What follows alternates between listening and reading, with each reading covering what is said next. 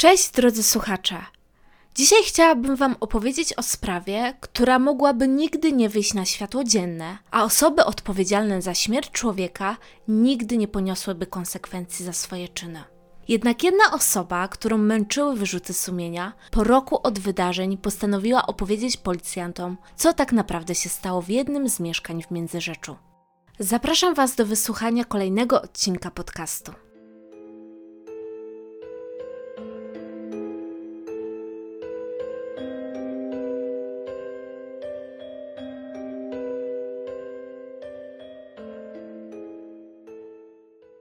Dzisiejszej historii przenosimy się do Międzyrzecza, niedużego miasta leżącego w województwie lubuskim.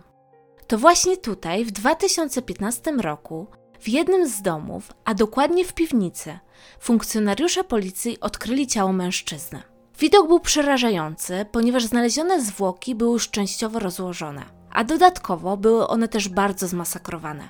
Niemniej śledczy bardzo szybko zidentyfikowali tożsamość mężczyzny. Zabitym okazał się 57-letni Bogdan M., a rok wcześniej rodzina zgłosiła jego zaginięcie. Jednak zacznijmy od tego, kim był mężczyzna. Bogdan miał 57 lat. W swoim rejonie był znanym i lubianym budowlańcem.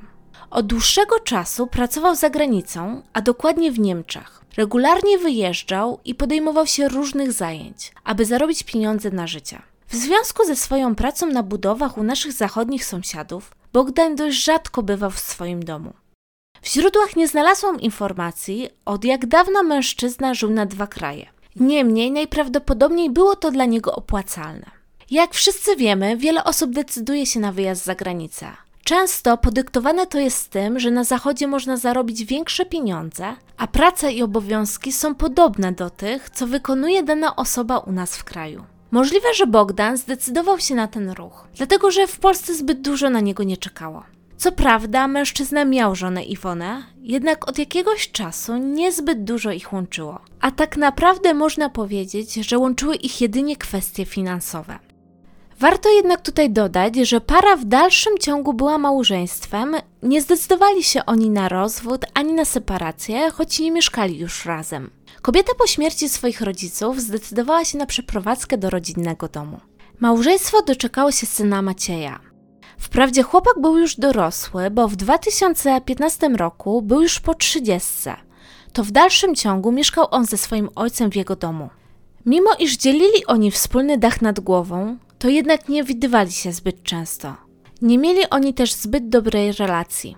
Często dochodziło między nimi do różnych kłótni, i to dość poważnych. Te kłótnie bardzo często kończyły się burzliwymi awanturami.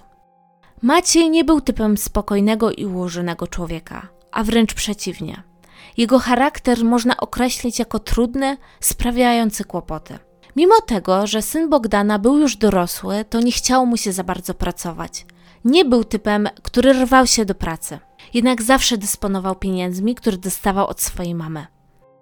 Maciej zdecydowanie wolał luźny tryb życia. Najczęściej całe dnie spędzał przed komputerem, grając w różne gry. Był znany wśród mieszkańców miasta, a w szczególności przez tych młodszych.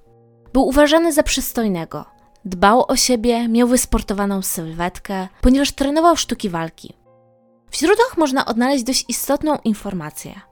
Bliscy z otoczenia rodziny uważali, że chłopak miał problemy z nadużywaniem narkotyków i to właśnie to mogło mieć wpływ na jego częste kłótnie z ojcem. Podejrzewali również, że jest dealerem, jednak ten nigdy się do tego nie przyznawał. Tłumaczył takie podejrzenia tym, że owszem handluje, ale nie narkotykami, a suplementami diety. Na początku 2014 roku Bogdan był widziany po raz ostatni. Chociaż początkowo nikogo nie zaniepokoił fakt, że z mężczyzną nie ma kontaktu. Wszyscy zakładali, że wyjechał on do pracy do Niemiec, co nie było dziwne ze względu na to, że często wyjeżdżał. Dopiero w marcu jego żona Iwona zainteresowała się bardziej losem Bogdana i postanowiła zgłosić zaginięcie 57-latka na policję. Kobieta zeznała wtedy, że w, od kilku dni nie ma ze swoim mężem kontaktu. Co prawda, zaznaczyła, że zdarzało się, że nie widywali się oni przez kilka miesięcy, jednak tym razem Bogdan nie odbierał telefonów i nie odpisywał na żadne wiadomości. Była przekonana, że wcześniej takie sytuacje nie miały miejsca. policjanci nie zlekceważyli zgłoszenia i przyjęli zawiadomienie o zaginięciu. Wtedy też rozpoczęli poszukiwania mężczyzny. Szukali go zarówno w kraju, jak i za granicą. Przesłuchiwali różnych świadków, a także sprawdzali różne wersje. Początkowo zakładali, że może jednak tym razem Bogdan postanowił odciąć się od swoich bliskich i dlatego nie odpowiada na ich próby nawiązania kontaktu.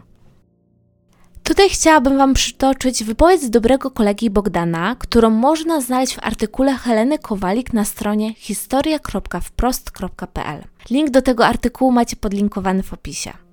Świadek w trakcie przesłuchania na komisariacie zeznał, że jest zaniepokojony dziwnym zaginięciem Bogdana. Zawsze uważał go za przyzwoitego człowieka, chociaż troszkę skrytego.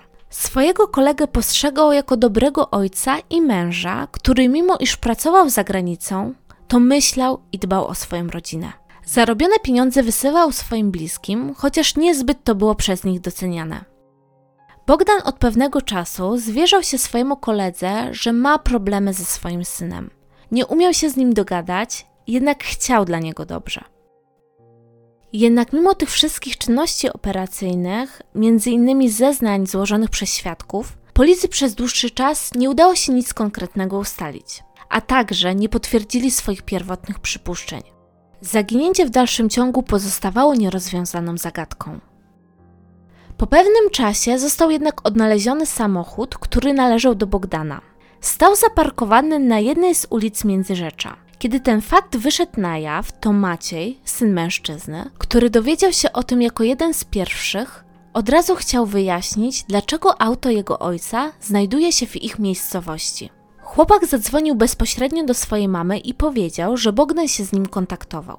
W rozmowie telefonicznej miał mu przekazać, że za jakiś czas przyjedzie po swój samochód, bo obecnie przebywa w Niemczech w pracy. Chłopak zaznaczył też, że u jego taty wszystko jest dobrze, nic złego się nie dzieje. Jedynie twierdził, że po głosie ojca wywnioskował, że był on pod wpływem alkoholu. Ponieważ rozmowa ta bardziej przypominała pijacki bełkot niż zwyczajną rozmowę.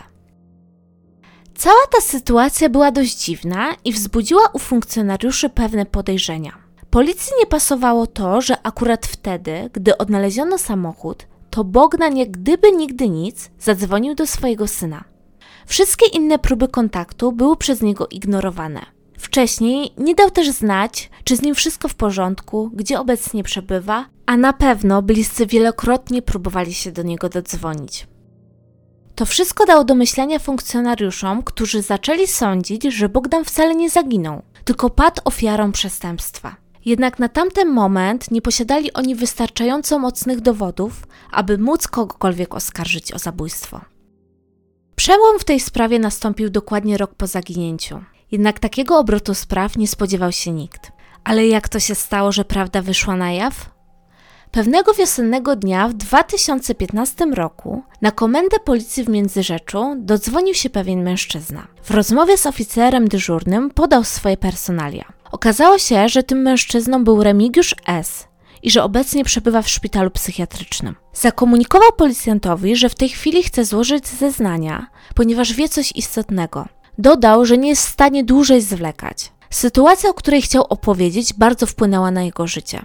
Nie wiem, czy to wyrzuty sumienia, czy inne okoliczności, ale Remigiusz, znając pewne fakty, nie był w stanie spać, przynajmniej tak mówił, ponieważ całe to zdarzenie śniło mu się po nocach. Dodał też, że to wszystko spowodowało, że znalazł się w szpitalu psychiatrycznym. Funkcjonariusz, słysząc to wszystko, postanowił wysłuchać dzwoniącego mężczyznę. Remigiusz w trakcie powiedział coś zaskakującego. Przyznał, że wie, co się stało z Bogdanem M. Wskazał, że 57-latek, który od roku był poszukiwany, został zabity i zakopany. Podał dokładny adres, gdzie miały znajdować się jego zwłoki. Policjanci bez wahania udali się pod ten adres. Na miejscu okazało się, że wszystko, co powiedział Remigiusz, to prawda. I pod wskazanym adresem, a dokładnie w piwnicy pod posadzką domu należącego do Bogdana M., policjanci znaleźli ciało mężczyzny. Na ten moment funkcjonariusze wiedzieli już, że to, co podejrzewali już wcześniej, okazało się brutalną prawdą. Bogdan wcale nigdzie nie wyjechał, tylko został zamordowany. To, co na wstępie udało ustalić się śledczym, to fakt, że mężczyzna został zaatakowany w momencie, kiedy spał. Sprawcy zadali mu kilka ciosów w głowę. Bogdan próbował się bronić, ale nie miał żadnych szans w walce z napastnikami. Narzędziem zbrodni był metalowy odważnik od sztangi, służącej do sportowych ćwiczeń. Ale to nie wszystko. Bogdan po tym wszystkim został jeszcze uduszony, i to było bezpośrednią przyczyną jego śmierci. Po tym wszystkim sprawcy przenieśli zwłoki ofiary do piwnicy i tam je ukryli. Zwłoki były przysypane nie tylko ziemią, ale też wapnem i cementem. Policja prawie natychmiast zatrzymała dwie osoby, a dokładnie Remigiusza, który zatelefonował na komisariat, i syna Bogdana, Macieja. Na wniosek prokuratora została również przeprowadzona wizja lokalna. Teraz przedstawię Wam zeznania zatrzymanych, które zostały przez nich złożone już po zatrzymaniu. Zacznę od tego, co powiedział Remigiusz S. Według niego Maciej ciągle narzekał na swojego ojca. Żalił mu się, że Bogdan jest nieudacznikiem życiowym, a pieniądze, które zarabia w Niemczech, nie są na tyle duże, żeby on nie musiał pracować. Maciej przekonał go, że lepiej będzie jak zabiją teraz jego ojca, ponieważ kiedyś, gdy już będzie starszy, być może będzie on domagał się od niego pomocy oraz alimentów. Remigiusz nie do końca był przekonany do tego planu, jednak jego kolega przekonał go tym, że nikt ich nie skaże, ponieważ zna wszystkich funkcjonariuszy policji w mieście. Maciej według niego miał też plan awaryjny. Gdyby jednak ktoś odkrył ich działanie, mieli oni uciec do Legii Cudzoziemskiej, a pieniądze na ten wyjazd mieli zdobyć napadając na jubilera. W trakcie dochodzenia zatrzymany przekazał też policji telefon, który należał do Bogdana. Dodał, że w dniu zabójstwa wykonał jedno połączenie i nigdy więcej nie użył tej komórki. Maciej M., skonfrontowany z zebranymi dowodami, nie przyznał się do zabójstwa ojca. Zeznał jednak, że przed rokiem doszło pomiędzy nim a jego ojcem do bójki. Powodem miał być kot, za którym, oczywiście według niego, Bogdan nie przypadał. Drugim powodem była kłótnia o to, co Bogdan powiedział o swojej żonie Iwonie. Bogdan miał stwierdzić, że jego żona, a matka Macieja, i teraz tutaj cytat, puszcza się. Maciej, słysząc to, miał wpaść w wściekłość i rzucić się na ojca. Twierdził, że świadkiem tej całej sytuacji był jego kolega Remigiusz, który kiedy zobaczył strzamotaninę, zareagował. To przez jego działanie Bogdan miał stracić przytomność. Całą winę za śmierć 57-latka według Macieja ponosi Remigiusz, który miał udusić jego ojca. Maciej zapytany o to, dlaczego jego kolega posiadał komórkę Bogdana, stwierdził, że nie wie skąd ją ma, ale mógł ją zabrać za każdym razem, gdy u niego nocował, a to zdarzało się kilkukrotnie. W trakcie prowadzonych czynności dochodzeniowych policjanci dotarli do pewnego mężczyzny, który powiedział wiele ciekawych informacji o zatrzymanych i ich relacji. Tutaj Wam teraz zacytuję jego słowa, które zostały podane w artykule Heleny Kowalik, o którym już Wam wcześniej wspomniałam. Remek był na pstryknięcie palców Maćka. Imponował mu pełen portfel kolegi. Nie interesowało go skąd te pieniądze, chociaż Maciek nie pracował. Pokornie znosił humory swego guru, jego agresję, pretensje do świata, że inni mają lepiej. Świadek opowiedział też o sytuacji, kiedy to Macie miał go zapytać, czy zna kogoś, kto za pieniądze zakopałby głęboko w lesie zwłoki. Od razu miał jednak dodać, że wcale nie mówi na poważnie, tylko żartuje.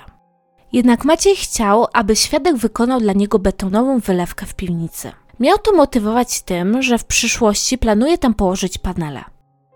To pytanie bardzo zdziwiło mężczyznę, który postanowił dopytać, dlaczego akurat zimą chce zlecić taką pracę. Maciej, słysząc te słowa, według niego miał wpaść w złość.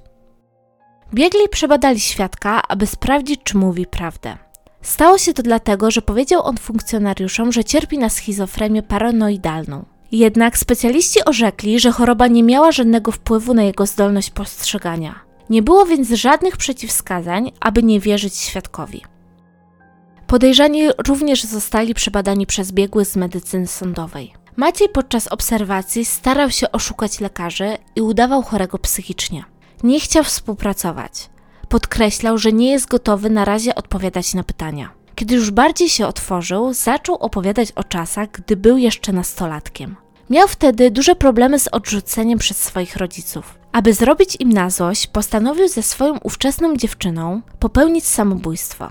Jednak im się to nie udało, gdyż przeszkodził im przypadkowy przychodzień.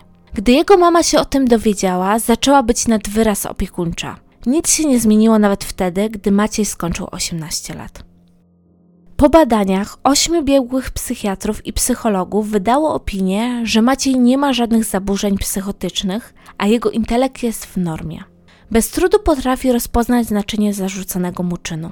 Nie odczuwa jednak żadnych wyrzutów sumienia z powodu zabicia własnego ojca. Według specjalistów zatrzymany w stosunku do innych ludzi jest bezduszny, a nawet chciałby nimi kierować, tak by robili wszystko, co im każe. Zanim przejdę do procesu, chcę Wam jeszcze powiedzieć o liście, który Maciej wysłał do jednego z sędziów. Stawiał w nim własne warunki jego ukarania, chociaż w dalszym ciągu nie przyznawał się do winy. W liście domagał się dożywotniego pozbawienia wolności z możliwością wyjścia po 40 latach, a także chciał przebywać w celi samotnie, bez współosadzonych. W wysłanej korespondencji wskazał również, że śledczy powinni lepiej sprawdzić jego kolegę Remigiusza. I tak, jak można się było spodziewać, złożoną propozycję sąd odrzucił i pozostawił bez komentarza. To jednak nie spodobało się Maciejowi, który ponownie zwrócił się do organu państwowego. W drugiej korespondencji zaznaczył, że nie jest typowym recydywistą i że z pomocą innych mógłby się zmienić. Na ten list również nie dostał odpowiedzi. I tutaj przejdę już do procesu. W trakcie procesu, który miał miejsce w Sądzie Okręgowym w Gorzowie Wielkopolskim, Maciej nadal nie przyznawał się do winy. Cały czas podkreślał, że to jego kolega Remigiusz był odpowiedzialny za śmierć Bogdana. Swoją winę widział tylko w tym, że nie powiadomił policji i nie opowiedział wcześniej, co się stało w jego domu. Tutaj warto podkreślić, że w jego wersję wydarzeń wierzyła jego matka Iwona. Kobieta zeznając próbowała udowodnić, że nie jest to możliwe, że jej syn udusił Bogdana. Adwokat broniący Macieja także próbował rzucić całą winę na Remigiusza. W swojej linii obrony przekonywał, że Remigiusz skontaktował się z policją i opowiedział o wszystkim, ponieważ był świadomy, że prędzej czy później zbrodnia ta wyjdzie na jaw. Według niego, i tutaj cytat, to był wybieg procesowy, a nie skrucha i wyrzuty sumienia. To była próba przebiegłego wpłynięcia na postępowanie. Adwokat podtrzymywał, że zabójstwo nie było wcześniej zaplanowane, a Bogdan zginął na skutek bójki. Wnosił także o zmianę kwalifikacji czynu z zabójstwa na bójkę lub pobicie ze skutkiem śmiertelnym. Natomiast adwokat reprezentujący Remigiusza wnioskował o wymierzenie jak najmniejszej możliwej kary. Motywował to tym, że jego klient był tylko narzędziem w rękach Macieja i działał bezmyślnie, ponieważ był zmanipulowany przez swojego kolegę. Warto tutaj też dodać, że Remigiusz w swoich ostatnich słowach wypowiedzianych na sali sądowej okazał skruchę i przeprosił rodzinę ofiary. Prokurator z prokuratury rejonowej w Międzyrzeczu, który złożył akt oskarżenia przeciwko oprawcom, dla Macieja wnioskował o karę dożywotniego pozbawienia wolności z możliwością warunkowego wyjścia najwcześniej po 33 latach. Twierdził, że taki wyrok byłby adekwatny oraz sprawiedliwy. Tutaj przytoczę Wam też ważne słowa prokuratora, które padły na sali sądowej. Mówienie o tym, że Bogdan M. został zabity, jawi się jako pewien eufemizm. Nie oddaje skali bólu i cierpienia, jakie zostały zadane pokrzywdzonemu. Jeśli to nie jest zabójstwo ze szczególnym okrucieństwem, to co nim jest? Co do Remigiusza, tutaj prokurator miał łagodniejsze podejście. Wnioskował o karę 15 lat więzienia. W swojej mowie końcowej podał powody, dlaczego żąda takiej kary. Prokurator przyznał, że składając akt oskarżenia do sądu, opierał się na zeznaniach Remigiusza, które uważał za wiarygodne. Podkreślił też, że na każdym etapie wersja, którą przedstawiał, była ze sobą spójna. Nie wypierał się swojej winy i to on zgłosił się na policję, mimo że zdawał sobie sprawę, do czego to prowadzi, czyli do zatrzymania i postawienia go przed sądem. Wiosną 2016 roku zapadł wyrok w Sądzie Okręgowym w Gorzowie Wielkopolskim. Maciej M. został skazany na dożywotnie pozbawienie wolności z możliwością ubiegania się o warunkowe zwolnienie najwcześniej po 25 latach. Wyrok ten motywowany był tym, że zbrodnia została przygotowana z wyrachowaniem. Warto też podkreślić, że sąd nie uwzględnił okoliczności łagodzącej, jaką mogła być wcześniejsza niekaralność Macieja. Co do Remigiusza. Ten został natomiast skazany na 12 lat więzienia i tutaj na ten wyrok duży wpływ miało to, że przyznał się on do winy i wszystko opowiedział. To dzięki niemu śledczy mogli ustalić wiele szczegółów. Ważną informacją co do wyroku dla obu skazanych jest to, że obaj zostali na 10 lat pozbawieni praw publicznych. Warto tutaj też wspomnieć o słowach, które sędzia wypowiedział po ogłoszeniu wyroku. Sędzia Rafał Kraciuk zaznaczył, że to zabójstwo było zbrodnią prawie doskonałą. Gdyby nie zeznania Remigiusza, możliwe, że nigdy prawda by nie wyszła na jaw. Sędzia uznał też, że motyw z dokonanego zabójstwa zasługuje na szczególne potępienie. Chociaż tak naprawdę można by było powiedzieć, że motywu brakowało, bo syn tylko w swojej głowie miał jakieś powody. Ostatnie słowa, które sędzia wypowiedział w kierunku Macieja, brzmiały tak, i tutaj cytat: Pana trzeba wyeliminować ze społeczeństwa. Jednak proces w sądzie pierwszej instancji nie był ostatnim wyrokiem, który zapadł w tej sprawie. Dotarłam do informacji, że została złożona apelacja do sądu apelacyjnego przez obrońcę Macieja. W swoim wniosku uznał, że Gorzowski Sąd nieprawidłowo rozumował brak motywu. I tutaj może Was zaskoczę, ale sąd apelacyjny w Szczecinie w pewnym stopniu zgodził się z obrońcą Macieja, ponieważ nie ocenił zbrodniczego czynu Macieja M jako zasługującego na szczególne potępienie. W związku z tym wymierzył mu karę 25 lat pozbawienia wolności. I jeżeli myślicie, że to był koniec tego procesu, to powiem Wam, że nie. Do Sądu Najwyższego wpłynęły dwa wnioski o kasację dla wyroku Macieja. Jeden z nich został złożony przez Zbigniewa Ziobro, czyli ministra sprawiedliwości i równocześnie prokuratora generalnego. Wnioskował on o wznowienie procesu oraz zaostrzenie kar. Drugi wniosek złożył natomiast obrońca. Jednak oba zostały odrzucone przez Sąd Najwyższy. Sąd Najwyższy utrzymał natomiast w mocy wcześniejsze orzeczenie sądu apelacyjnego. I to już wszystko, co chciałabym Wam opowiedzieć o tej sprawie. Ja po przeczytaniu kilku artykułów byłam w wielkim szoku. Nie docierało do mnie to, że syn zabił ojca. I gdyby nie wyrzuty sumienia drugiego oprawcy, to możliwe, że Bogdan dalej byłby uznany za zaginionego. Jednak najważniejsze, że koniec końców sprawiedliwość została wymierzona. Czy wyrok jest adekwatny? To jest kwestia sporna. Jednak nie będę tego oceniać i na tym zakończę ten odcinek. Jestem ciekawa, co Wy myślicie o tej sprawie. Chętnie poczytam Wasze opinie, dlatego zachęcam do podzielenia się nimi w komentarzach. Dziękuję Wam za wszystkie łapki w górę, komentarze i subskrypcje. Wiem, że ostatnio długo mnie nie było i moje zamierzenia co do jednego odcinka tygodniowo się nie sprawdziły, ale wierzcie mi, chcę dla Was nagrywać jak najczęściej. Dlatego mam nadzieję, że niedługo się znów usłyszymy. Trzymajcie się ciepło. Cześć.